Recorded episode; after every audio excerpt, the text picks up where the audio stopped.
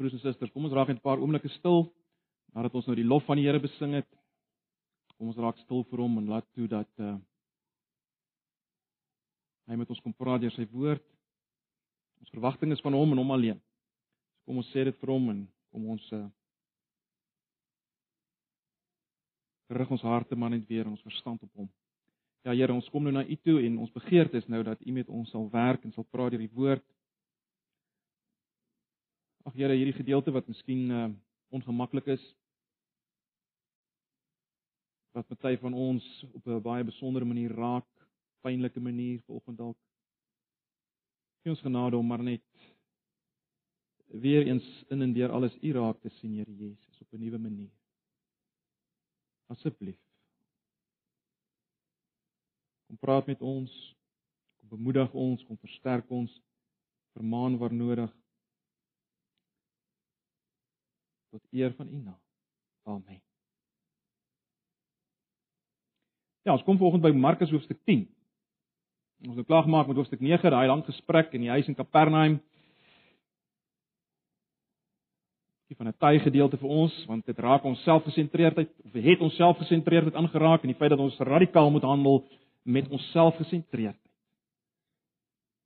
Daar's geen plek daarvoor in God se koninkryk nie. Dat ons ons moet so daarmee handel soos ons sal soos mens sou handel met 'n voet wat jy afkap en 'n oog wat jy uitpluk, net so pynlik, net so radikaal. So dit was hoofstuk 9. Nou kom ons by hoofstuk 10. Kom ons lees saam vanaf vers 1.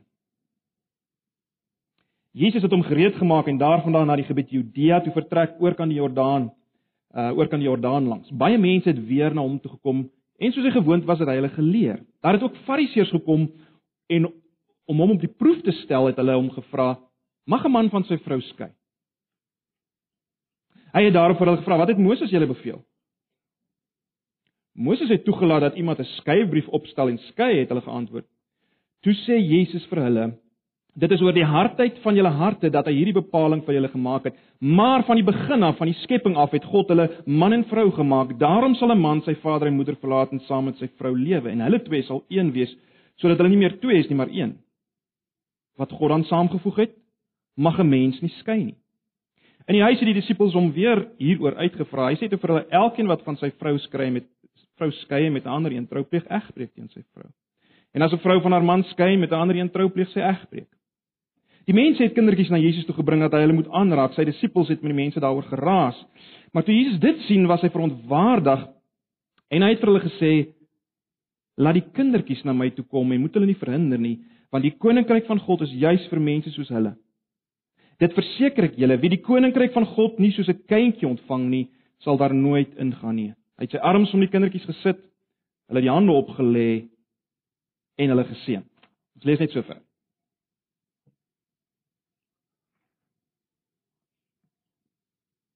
Ek het jare gelede uh, my studies 'n boek oor sonde gelees. Dit was eintlik 'n soort van 'n teologie oor sonde, maar die subtitel van die boek was interessant. Not the way it's supposed to be. Not the way it's supposed to be. En ek moet julle sê my denke oor sonde het vir altyd verander na die boek. Ek gaan nie nou daarop uitbrei nie. Die subtitel Not the way it's supposed to be. Baie eenvoudig gestel, maar ontsettend belangrik om te onthou, is dit nie? 'n Mens hoor dikwels hoe mense argumenteer oor is iets sonde of nie. Nie dat mense baie bekommerd is in die tyd waarin ons leef of iets sonde is of nie, maar uh indien daar wel nog gepraat word oor sonde, word daar hare gekloof. Nie waar nie? oor wanneer iets dan nou sonde is al dan nie, of wanneer dit sonde word. En daar word ook gedebatteer oor watter sonde is dan nou erger as 'n ander sonde. In hierdie gedeelte wat ons gelees het, kom die hele saak van egskeiding en egbreek na vore. En dit word hierdie gedeelte ook bloot gebruik om om te praat of egskeiding dan nou sonde is of nie. Uh wanneer raak dit sonde? Gewoonlik word ander uitsprake van Jesus en van Paulus en die res van die Bybel ingetrek uh in hierdie uh debat en hieroor word geredeneer.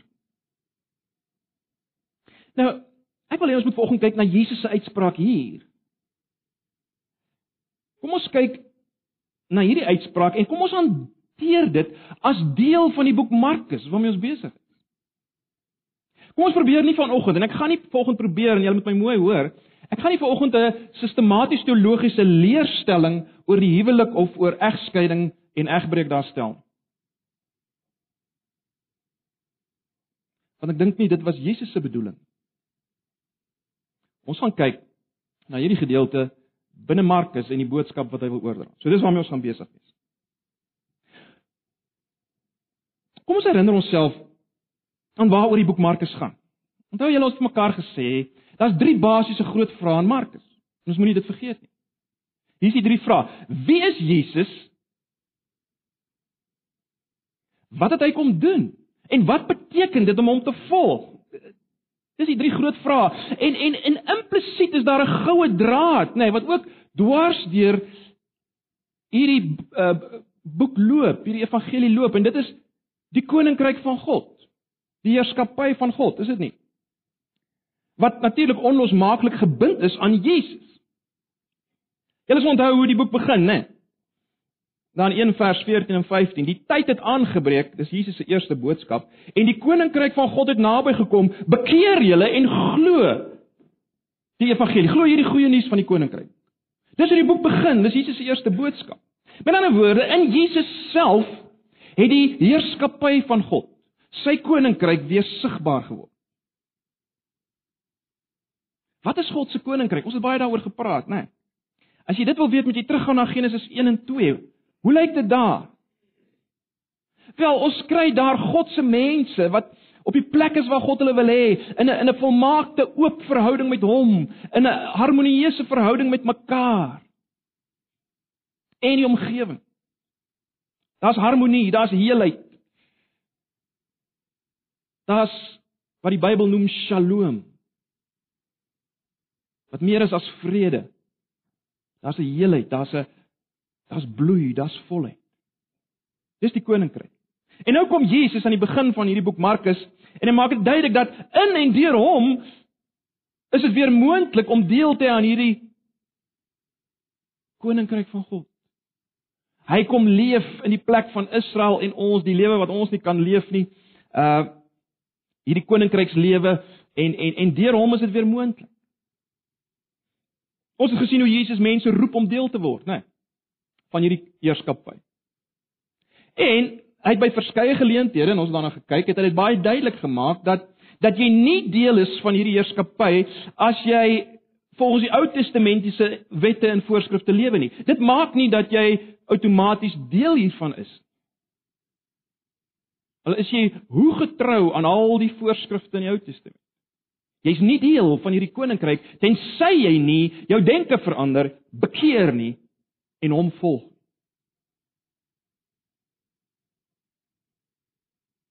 Die afgelope paar sonnae het ons gesien, ek het net daarna verwys, hoe hy met sy disippels praat uh oor hoe lyk lewe in hierdie koninkryk en ons het mekaar gesê daar's geen plek vir selfgesentreerdheid in hierdie heerskappy, hierdie koninkryk van God.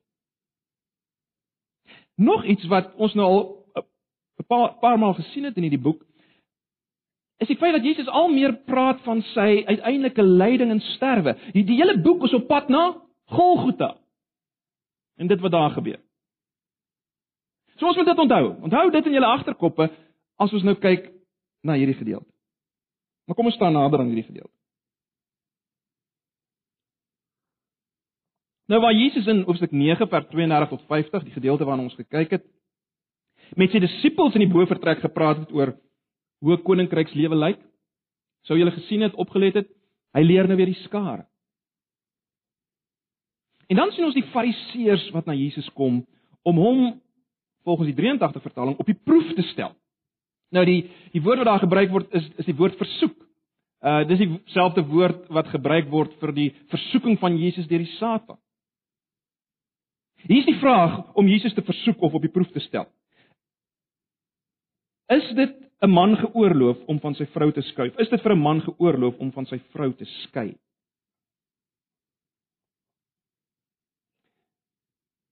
Waarom sou dit 'n versoeking wees vir Jesus?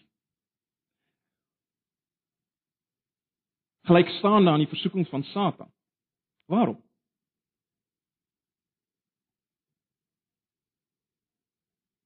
As hulle vir hom vra is dit geoorloof vir 'n man om van sy vrou te skei. Nou om dit te verstaan, om te verstaan waarom dit regtig so 'n versoeking is vir Jesus, 'n beproewing, uh, moet ons verstaan wat lê agter hierdie vraag. Uh ons weet uit uit ander bronne uit dat daar uh, in hierdie tyd 'n gewellige dispuut was uh, oor egskeiding tussen twee sogenaamde rabbynse skole, die skool van Shammai en die skool van Hillel. Nou, hierdie Rabbi Shammai, om baie kort te stel, uh, hy het gesê Deuteronomium 24 vers 1 moet so geïnterpreteer word dat as daar iets wel geweldigs ergs gevind word aan jou vrou, regtig ergs, dan mag jy skei. Terwyl aan die ander kant, Rabbi Hillel uh, weer baie meer vloeibare siening gehad en eintlik wat hy ten diepste geleer het is dat jy kan skei vir watter rede jy ook al dink dis reg om te skei. Dit was Rabbi Hillel se siening. En daarom is die mees belaglikste oortredings ingesluit as moontlike redes waarom jy kon skei. Uh byvoorbeeld as jou vrou nie 'n baie goeie kok was nie en dan kon jy van haar geskei het, maar dan was dit nie lekker kos gemaak. Of as jy bloot belangstelling in haar verloor het omdat sy nie mooi genoeg is nie, dan kon jy van haar skei. Nou alle aanduidinge daar is dat die Fariseërs aangetrokke was tot Hillel se se leer. se se rigting. En van daar hierdie vraag van hulle. Mens sien dit as jy kyk na Matteus 19 vers 3 waar hulle eksplisiet vra kan 'n man van sy vrou vir enige rede skei? Daar daar is die mense duidelik. So hulle wou dus hoor aan wiese kant is Jesus in hierdie debat? Aan watter skool behoort hy? By wie skaar hy hom? En en nou moet ons mooi hoor. Jy sien as hulle Jesus kon intrek in hierdie debat, dan het Jesus nie meer 'n radikale boodskap van die koninkryk gehad. Dis die punt. Dan was hy maar net een van 'n sekere groep met 'n sekere interpretasie. Kan jy sien dat dit 'n versoeking was om af te draai van die pad van die koninkryk, net soos die Satan, net soos Petrus se versoeking was, eh, die afdraai van die pad van die kruis vir Jesus, was hier 'n versoeking. Om maar net deel te word van van 'n sekere groep en hulle interpretasie. Maar let nou op hoe gaan Jesus te werk. Kom ons kyk 'n bietjie nou hoe gaan Jesus te werk met hierdie vraag. Eerstens moet julle oplet, hy antwoord nie hierdie vraag. Baie tipies van Jesus. Hy antwoord nie hierdie vraag. Hy vra vir hulle 'n ander vraag. Hy sê: "Wat het Moses julle beveel?" Nou heel waarskynlik uh wou Jesus hulle hierdeur sommer aan die begin uitvang. Want Moses het niks beveel in verband met egskeiding. Maar hulle tel dit op. Hulle is nie so dom nie. Hulle tel dit op en hulle sê uh Moses het ons toegelaat om te skei as as as jy 'n skeibrief kan opstel. Uh dan kan jy die vrou wegstuur met hierdie skeibrief. Moses het dit toegelaat. En dan sê Jesus die deurslaggewende ding vir die verstaan van hierdie gedeelte.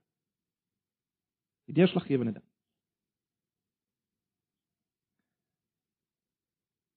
Hy sê dit is oor die hardheid van julle harte dat hy hierdie bepaling vir julle gemaak het. Met ander woorde hierdie toegewing. Vers 5. Dis oor die hardheid van julle harte dat hy hierdie bepaling vir julle gemaak het. Maar van die begin af. Oor die hardheid van julle harte, maar van die begin af. Dis baie interessant as mens nou hierna kyk en hieroor dink. Die patroon wat Jesus hier volg, stem baie ooreen met dit wat beskryf in Matteus 5, daarvan in vers 21, né? Nee, waar Jesus vir hulle sê, "Julle het gehoor, Maar ek sê vir julle. Julle het gehoor, maar ek sê vir julle. Ons dink uh, ons dink aan dit wat ons gesien het op by die berg van verheerliking waar uh, Moses en Elia daar saam met Jesus was en dan kom daar 'n stem uit die hemel wat sê Dit is my geliefde seun, luister na hom. Groot ooreenstemming. Jy sien Jesus is nou hier besig om te praat. Ja, Moses het iets gedoen toelating gegee. Jesus sê nou iets. So wat leer Jesus hier? Wat sê hy? Wel hy kom wys wat die situasie van die begin af was. Hy wys met ander woorde hoe dit gelyk binne die koninkryk van God, waar God se heerskappy ingestel is. Hoe dit hoe die huwelik daar gelyk. En daarom vat hulle terug na Genesis.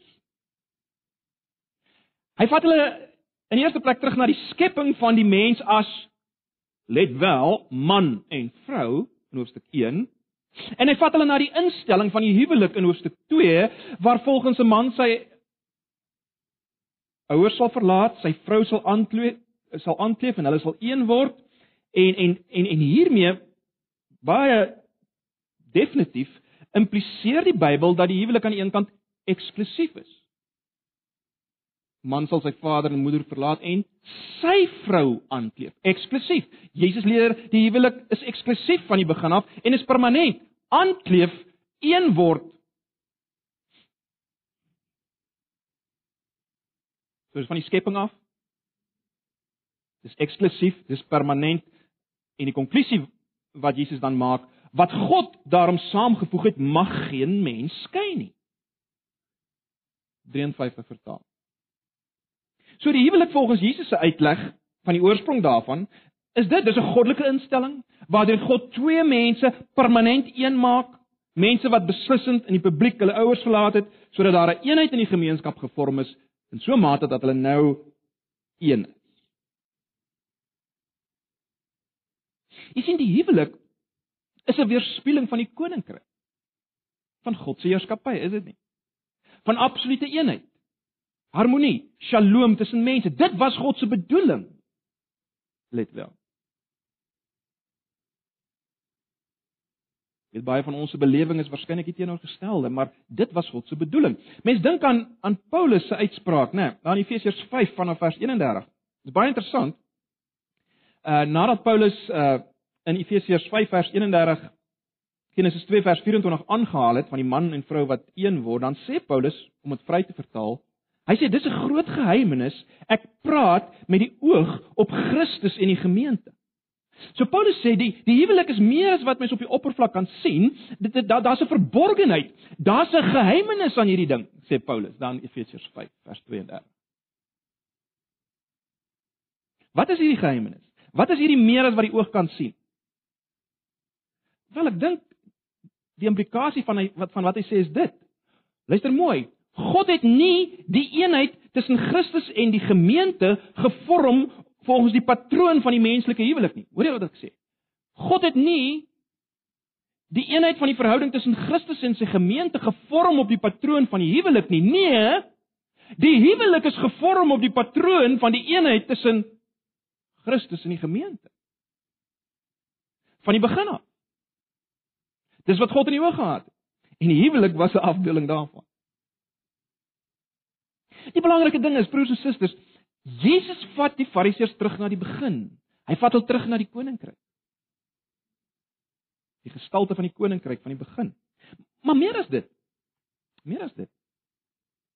Hy vat hulle nie net na die koninkryk nie, hy wys dat hulle nie deel is van hierdie koninkryk. Hy wys dat hulle 'n probleem het. Om die waarheid te sê, hulle hele vraag wys dat hulle 'n probleem het. Het julle gesien wat sê Jesus in vers 5? Hy sê kyk, daai toegewing wat Moses gemaak het, let op wat sê hy. Dis as gevolg van die hardheid van julle harte. Baie interessant, is dit nie? Hy Jesus sê nie net kyk, dis as gevolg van die hardheid van die hardheid eh, van die harte van daai ouens. Wat God die toegewing gemaak het. Nee nee, Jesus sluit hulle daarbey in. Die Fariseërs val onder dieselfde kategorie mense. Julle sal weet, dis nie die eerste keer dat Jesus oor die hart praat in Markus nie. Ons kan nog baie goed onthou van hoofstuk 7, né, wat Jesus daar vanaf vers 1 is uh, uh, vanaf vers 21 sê. Onthou julle dit nog? Van binne af uit die hart van die mens kom die slegte gedagtes, onkuisheid, diefstal, moord, oorspel, hebsug, kwadwilligheid, bedrog, losbandigheid, afguns, kwaadpraatery, hoogmoed, ligsinnigheid, dit alles kom van binne af. Dit maak jou onrein. Jy sien, jy kan nooit vingerwys sê, "Maar ek tree so op omdat uh, uh, my vrou so lelik is." Nee, is jou hart. Jou hart is die probleem. En dis wat Jesus nou kom sê. Hy sê Moses se toelating was as gevolg van 'n hartsprobleem. En terloops broers en susters, hier sien ons weer dat die hele ou bedeling, die sogenaamde ou verbondsbedeling onder Moses, is gekenmerk deur hierdie hartsprobleem, die hardheid van harte. Ons sien dit dwars deur die Ou Testament. Maar daar's 'n verwagting van 'n tyd. Jy sal weet, dink maar net aan uh, Esegiel 36. Daar's 'n daar's 'n vooruitsig na 'n tyd wat God hierdie harte gaan die harte van klip, die harde harte gaan uithaal 'n nuwe harte gaan gee onder die bedeling van die nuwe verbond, die bedeling waarin ek en jy leef. Daar's 'n vooruitsig, daar was 'n vooruitsig na 'n tyd van nuwe harte, sagte harte. Harte wat gevorm kan word. Maar goed, kom ons kom terug na hierdie gedeelte. Wat sê die hele vraag van die Fariseërs? Wel, hulle hele vraag dui op 'n probleem. So wat Jesus per implikasie sê is dit. Hy sê huweliksprobleme wat lei tot egskeiding, egskeiding self, dit alles is 'n aanduiding dat daar 'n hartsprobleem is, anders gestel dat daar 'n koninkryksprobleem is. Dis wat Jesus. Kom ek kom ek stel dit 'n bietjie anders. Jesus maak dit duidelik hier dat huweliksprobleme, vra oor wanneer ek kan skei of nie, Moses se toegewing, egbreek, dit alles is as gevolg van 'n toestand wat deur sonde veroorsaak is. Dit alles is deel van die afwesigheid van die heerskappy van God, die koninkryk van God. Dit alles. It is not the way it's supposed to be. It's not the way it's supposed to be.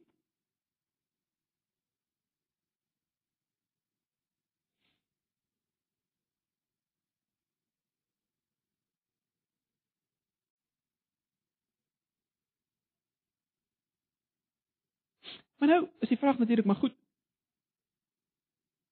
Wat maak 'n mens nou as as jy deel is van hierdie probleem? As jy skuldig is of as jy 'n slagoffer is van hierdie hierdie probleem. Wat maak jy? Broers en susters, dis nou waar Markus As ek so stel, Jesus nie eksplisiete antwoord gee nie. Jesus gee nie eksplisiete antwoord nie, maar Markus wil hê dat sy lesers 'n antwoord moet sien, die antwoord moet sien. Hoekom? Of hoe? Wel, Markus wil verseker hê dat sy lesers dit wat ons nou gesien het, ver, sal verbind met die volgende gedeelte van vers 13 tot 16. Markus wil hê ons moet dit verbind. Hy wil hê sy lesers moet dit verbind. Terloops, dis hoe die evangelies werk. Dis hoekom dit belangrik is om te kyk waar word wat gesê en waar word wat geplaas. Jy sien, dis is meer as net geskiedenis. Dis dis dis dis 'n preek hierdie. Markus wil waarskynlik hê ons en sy eerste lesers moet die kontras sien tussen die fariseërs se kom na Jesus en die kindertjies se kom na Jesus. Die kontras tussen die fariseërs se kom na Jesus en die kindertjies se kom na Jesus. Dink 'n bietjie hoe kom die fariseërs? Selfverseker. Bewus van hulle eie posisie en status. Vol eie geregtigheid, hulle gaan Jesus nou uitvang. Om eintlik te wys hulle is reg, om versekering te kry van hulle eie posisie. Hulle kom nie vir hulp nie.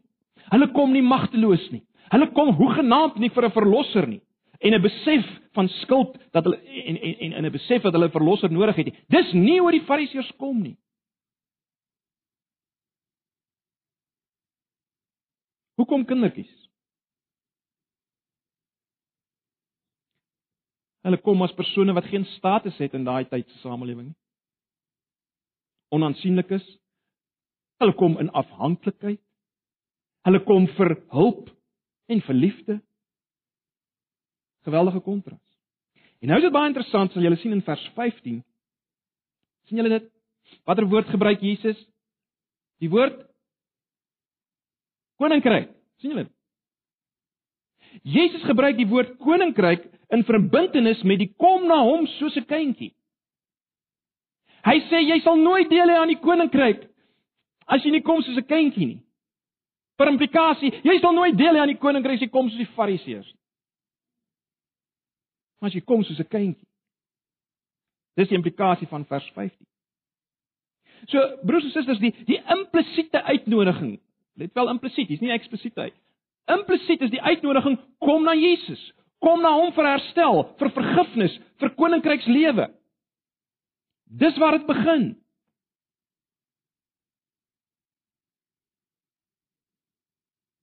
Ek weet Jesus sê niks weer eens eksplisiet hier oor vergifnis vir die sonde van egskeiding nie. Hy sê niks oor die herstel van die gevolge van egskeiding eksplisiet hier nie, maar dis weer eens implisiet teenwoordig hier. Hoekom sê ek so? Want dink 'n bietjie daaroor. Hoekom kan ek en jy deel word van die koninkryk as jy na Jesus kom soos 'n kind? Hoekom kan ons deel word van die koninkryk?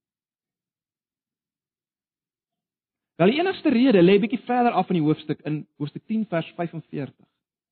En onthou nou Markus beweeg in sy hele boek na Golgotha. Wat staan in vers 45 van Markus 10? Luister. Die seun van die mens het ook nie gekom om gedien te word nie, maar om te dien en sy lewe te gee as losprys vir baie mense. Om sy lewe te gee as losprys vir baie mense. En onthou nou ek sê weer, die hele boek Markus beweeg uiteindelik na die moment wat hy sy lewe gaan gee as losprys op Golgotha. En broers en susters, ons moet hierdie dinge verbind. Dis hoekom jy kan deel kry aan Jesus as jy kom soos 'n kind. Jy sien, sonde word nie onder die mat gevee nie. Dis nie maar oukei okay nie. Daar was iemand wat sy lewe gegee het as losprys.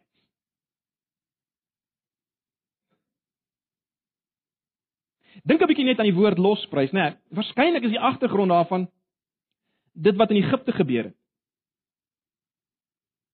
Toe die volk as te ware deur 'n plaasvervangende lam losgekoop is uit Egipte, maar ook bewaar is van God se oordeel oor die Egiptenare. Dis die agtergrond. Met ander woorde, as Jesus sy sy lewe gee as 'n losprys, beteken dit in die eerste plek dat hy ons loskoop van die slawemark. Van watter slawemark? Van sonde, van die Satan, van skuld, van skaamte. Dis waarvan hy ons wil bevry aan die een kant. Van die slawe lewe. Slaaf van jouself en van die opinies van mense en jou eie selfgeregtigheid. En al jou skuldig skuld, skuldgevoelens. Dis waarvan hy jou wil bevry van die gevangenes daarvan. Dis waarvoor hy sy lewe gegee het in jou plek. Maar baie belangrik.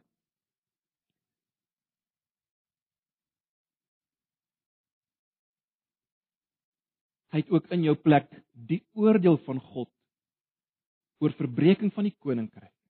Sonde met ander woorde. Verbreeking van hoe dit moet wees op hom geneem. Hy word die plaasvervangende offer. Nie 'n dier wat in jou plek geslag is nie, Jesus, God self, God self, die heilige, onbeskryflike groot God. Hy word 'n offer in jou plek. God die Seun. Nou die Vader en die Seun is een. Dis een God wat homself met ons versoen het in Jesus Christus. Dis God die Seun wat terloops hier praat, broers en susters. Maar baie belangrik, hy het die straf en die pyn en die smart en die verbreeking van verhouding in ons plek deurgemaak. Ek het dit nou die dag net genoem by die skaapsessie so vinnig. As Jesus hang aan die kruis en daai oomblikke is hy totaal uit verhoudings uit. My God, my God, waarom het U my verlaat? Hy hang daar nakend, verwyder van mense, onder God se oordeel, verwyder van gemeenskap met God in ons plek, sodat ons nie so hoef te leef nie en die straf hoef te kry van mense wat so leef. Dis wat hy doen in ons plek, broers en susters. Sodat ons sonder skuld kan wees vir hom, aanvaarbaar kan wees, geliefd vir hom kan wees, ja, selfs al het jy die regskeiding. Gevolg van Jesus.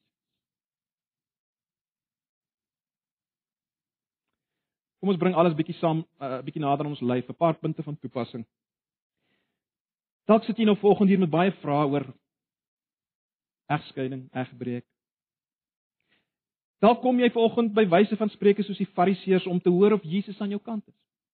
Of jy daarmee oukei is. Dis moontlik. Moontlik. Of jy reg was om te skei. Die implisiete boodskap vanoggend vir jou is dit: Moenie na Jesus kom soos die Fariseërs nie. Kom soos 'n kind. Kom soos 'n kind. Kom sonder selfgeregtigheid. Kom sonder maskers. Kom sonder argument. Kom soos 'n kind. Kom soos 'n kind. Dalk het jy heeltyd nog hier gesit en gewonder, maar wanneer gaan ek nou iets sê oor oor Matteus 5 vers 32 en Matteus 19 vers 9? Waar ons die volgende lees waar Jesus sê, "Maar ek sê vir julle, elkeen wat van sy vrou skei behalwe oor oorspel maak dat sy egbreek pleeg en iemand wat met die geskei met die geskeide vrou pleeg, uh, pleeg ook egbreek." En vers 9 van Matteus 19, "Ek sê vir julle, elkeen wat van sy vrou skei behalwe oor oorspel en met 'n ander een trou pleeg egbreek."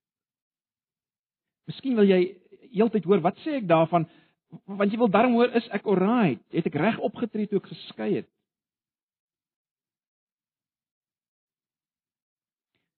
Kom ek raak net baie vinnig aan. Jy sien, omrede God die huwelik as permanent ingestel het, pleeg 'n persoon wat 'n geskeide persoon trou egbreek, want in God se oë het daar nie 'n skeiding plaasgevind by daai geskeide persoon. By God het in God se oë daar nie 'n skeiding plaasgevind nie. Behalwe daar's 'n uitsondering. Volgens Jesus in Matteus 19 en en en Matteus 5. Hoedery of oorspel. Nou, Eh, mens kan baie redeneer oor wat alles word ingesluit onder hierdie woord porneia. Maar die gedagte is waarskynlik dat as as jy seksueel met iemand anders een geword het, het jy die huwelik verbreek. Met ander woorde, as jy as man of vrou van 'n man of vrou wat egbreek gepleeg het, trou met iemand anders, breek jy nie die huwelik nie, want die huwelik is klaar gebreek. Dis klaar gebreek deur die een wat gehooreer het oorspel gepleeg. Jou maat wat oorspel gepleeg. Dis wat Jesus probeer sê, maar maar broers en susters.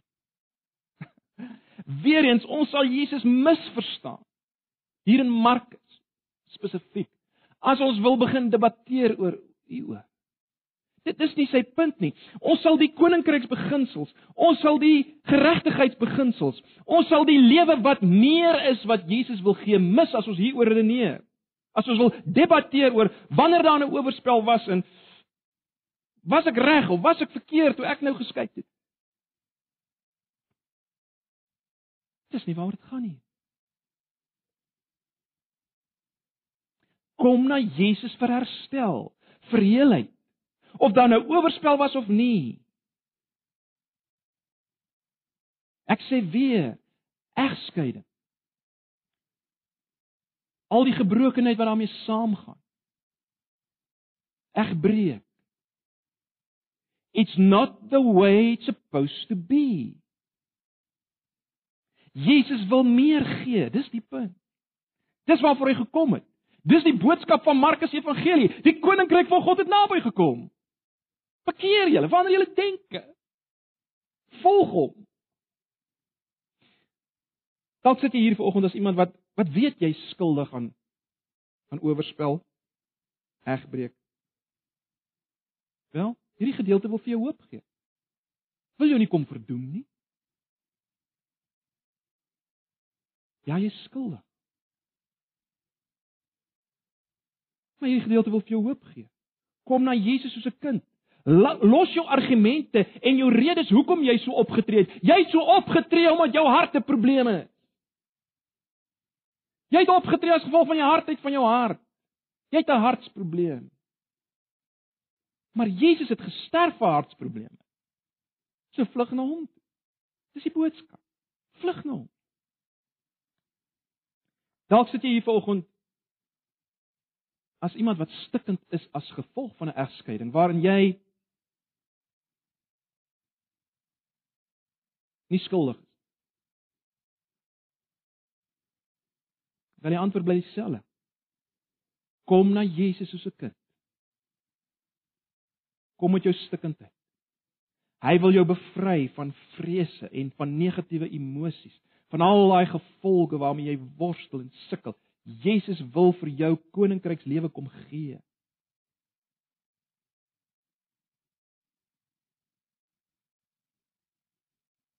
Hy wil dit vir jou kom gee binne 'n gemeenskap.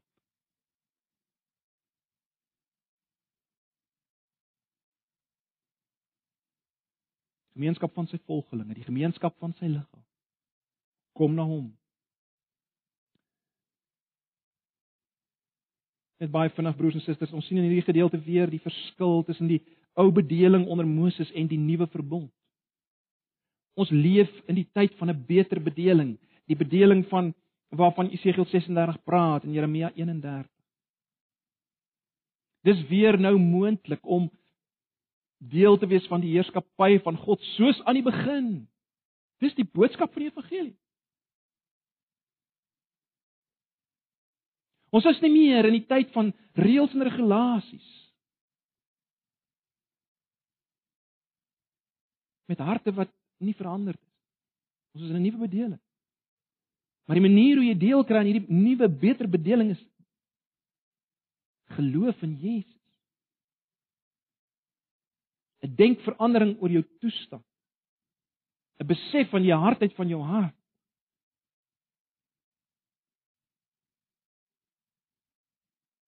Net baie vinnig. En hieroor kan ons nie nou praat nie. Ek raak dalk nou 'n vreeslike ding aan, maar ons kry natuurlik hier 'n aanduiding broers en susters oor hoe ons ook oor ander moeilike kwessies moet redeneer in ons dag. Maar net dink aan die hele vraag oor homoseksuele verhoudings. Vra die vraag in die lig van Genesis 1 en 2, is it the way it's supposed to be? Dis al. Wil jy nou daarop ingaan? Jy sien hierdie gedeelte het implikasies vir baie meer vrae as net egbreek en egskeiding. Maar bo alles, broers en susters, daarmee wil ek afsluit. Bo alles sien ons hier weer vir Jesus. En dis belangrik. Ons sien weer eens God se laaste woord vir ons. En dink Louis Giglo, ek was nie self daar nie, my my familie was daar. Ek dink hy het gepraat oor die belangrikheid van Jesus as God se laaste woord. Maar hier sien ons dit ook. Jesus is God se laaste finale woord. Dis wat hy vir ons wil gee, Jesus. Nie net wat hy kan gee nie, hy self kom gee God vir ons. Dis God se woord. En en dis wat ons sien, ons moet dit ook sien in hierdie gedeelte. Is nie is nie pragtig hoe hy sy in die laaste vers van wat ons gelees het, hoe hy sy uh sy arms om die kindertjies gesit het. En hulle die hande opgelê het en hulle geseën het. Ag, is my 'n pragtige beeld van dis wat hy wil. Hy wil sy arms om ons om ons om ons sit, broers en susters. Hy wil ons seën, hy wil ons die hande oplê. Dis waarvoor hy gekom het. Dis die boodskap van Markus. Dis die koninkryk van God. En en en, en sien dit raak in hierdie gedeelte. Moenie weer al die probleem vra en kwessies en dinge waaroor jy kan argumenteer en jou hier meer verloor. Nee, sien Jesus. sien Jesus. sien sy liefde, sien sy empatie wat vir elkeen wat kom soos 'n kind. Dis die boodskap. Ag broers en susters, kom ons raak vir 'n paar oomblikke stil. Ek weet nie wat jou situasie is op die oomblik nie. Ehm um, maak nie saak wat jou situasie is. Al het jy die die gelukkigste huwelik op aarde in hierdie oomblikke, kom net na Jesus weer. Kom ons dank hom net vir wie hy is. Die laaste woord van God vir 'n paar oomblikke raak net stil net van jy is. Maak hom net groot en kom gee jouself weer vir hom. As jy iemand is wat deur 'n egskeiding gegaan het, besig is. Sê dit vir hom, bring dit vir hom. Ek gee tyd vir gebed, stil word voor Jesus. En dan sluit ek af.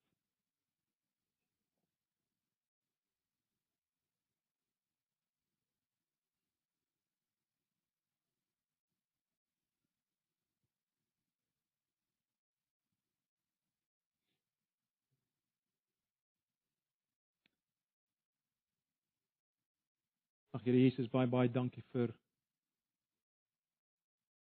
die woord vanoggend. Waar ons maar net weer vir U kan sien. U die een wat vir ons dit bring wat aan die begin was. Die koninkryk. Die heerskappy van God. The way it's supposed to be. Dankie dat U dit vir ons bring. Dankie dat U dit vir ons bring deur 'n prys, die prys wat U betaal het toe U Uself as losprys gegee het, as plaasvervangende offer.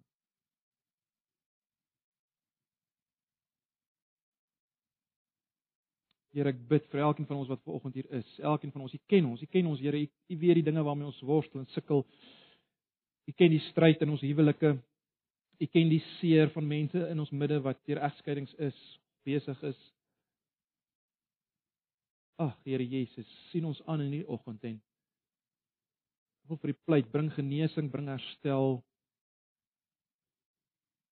Ons wil ver oggend soos kinders na U toe kom. Ons het niks om U te bied nie. Ons het niks verskonings nie.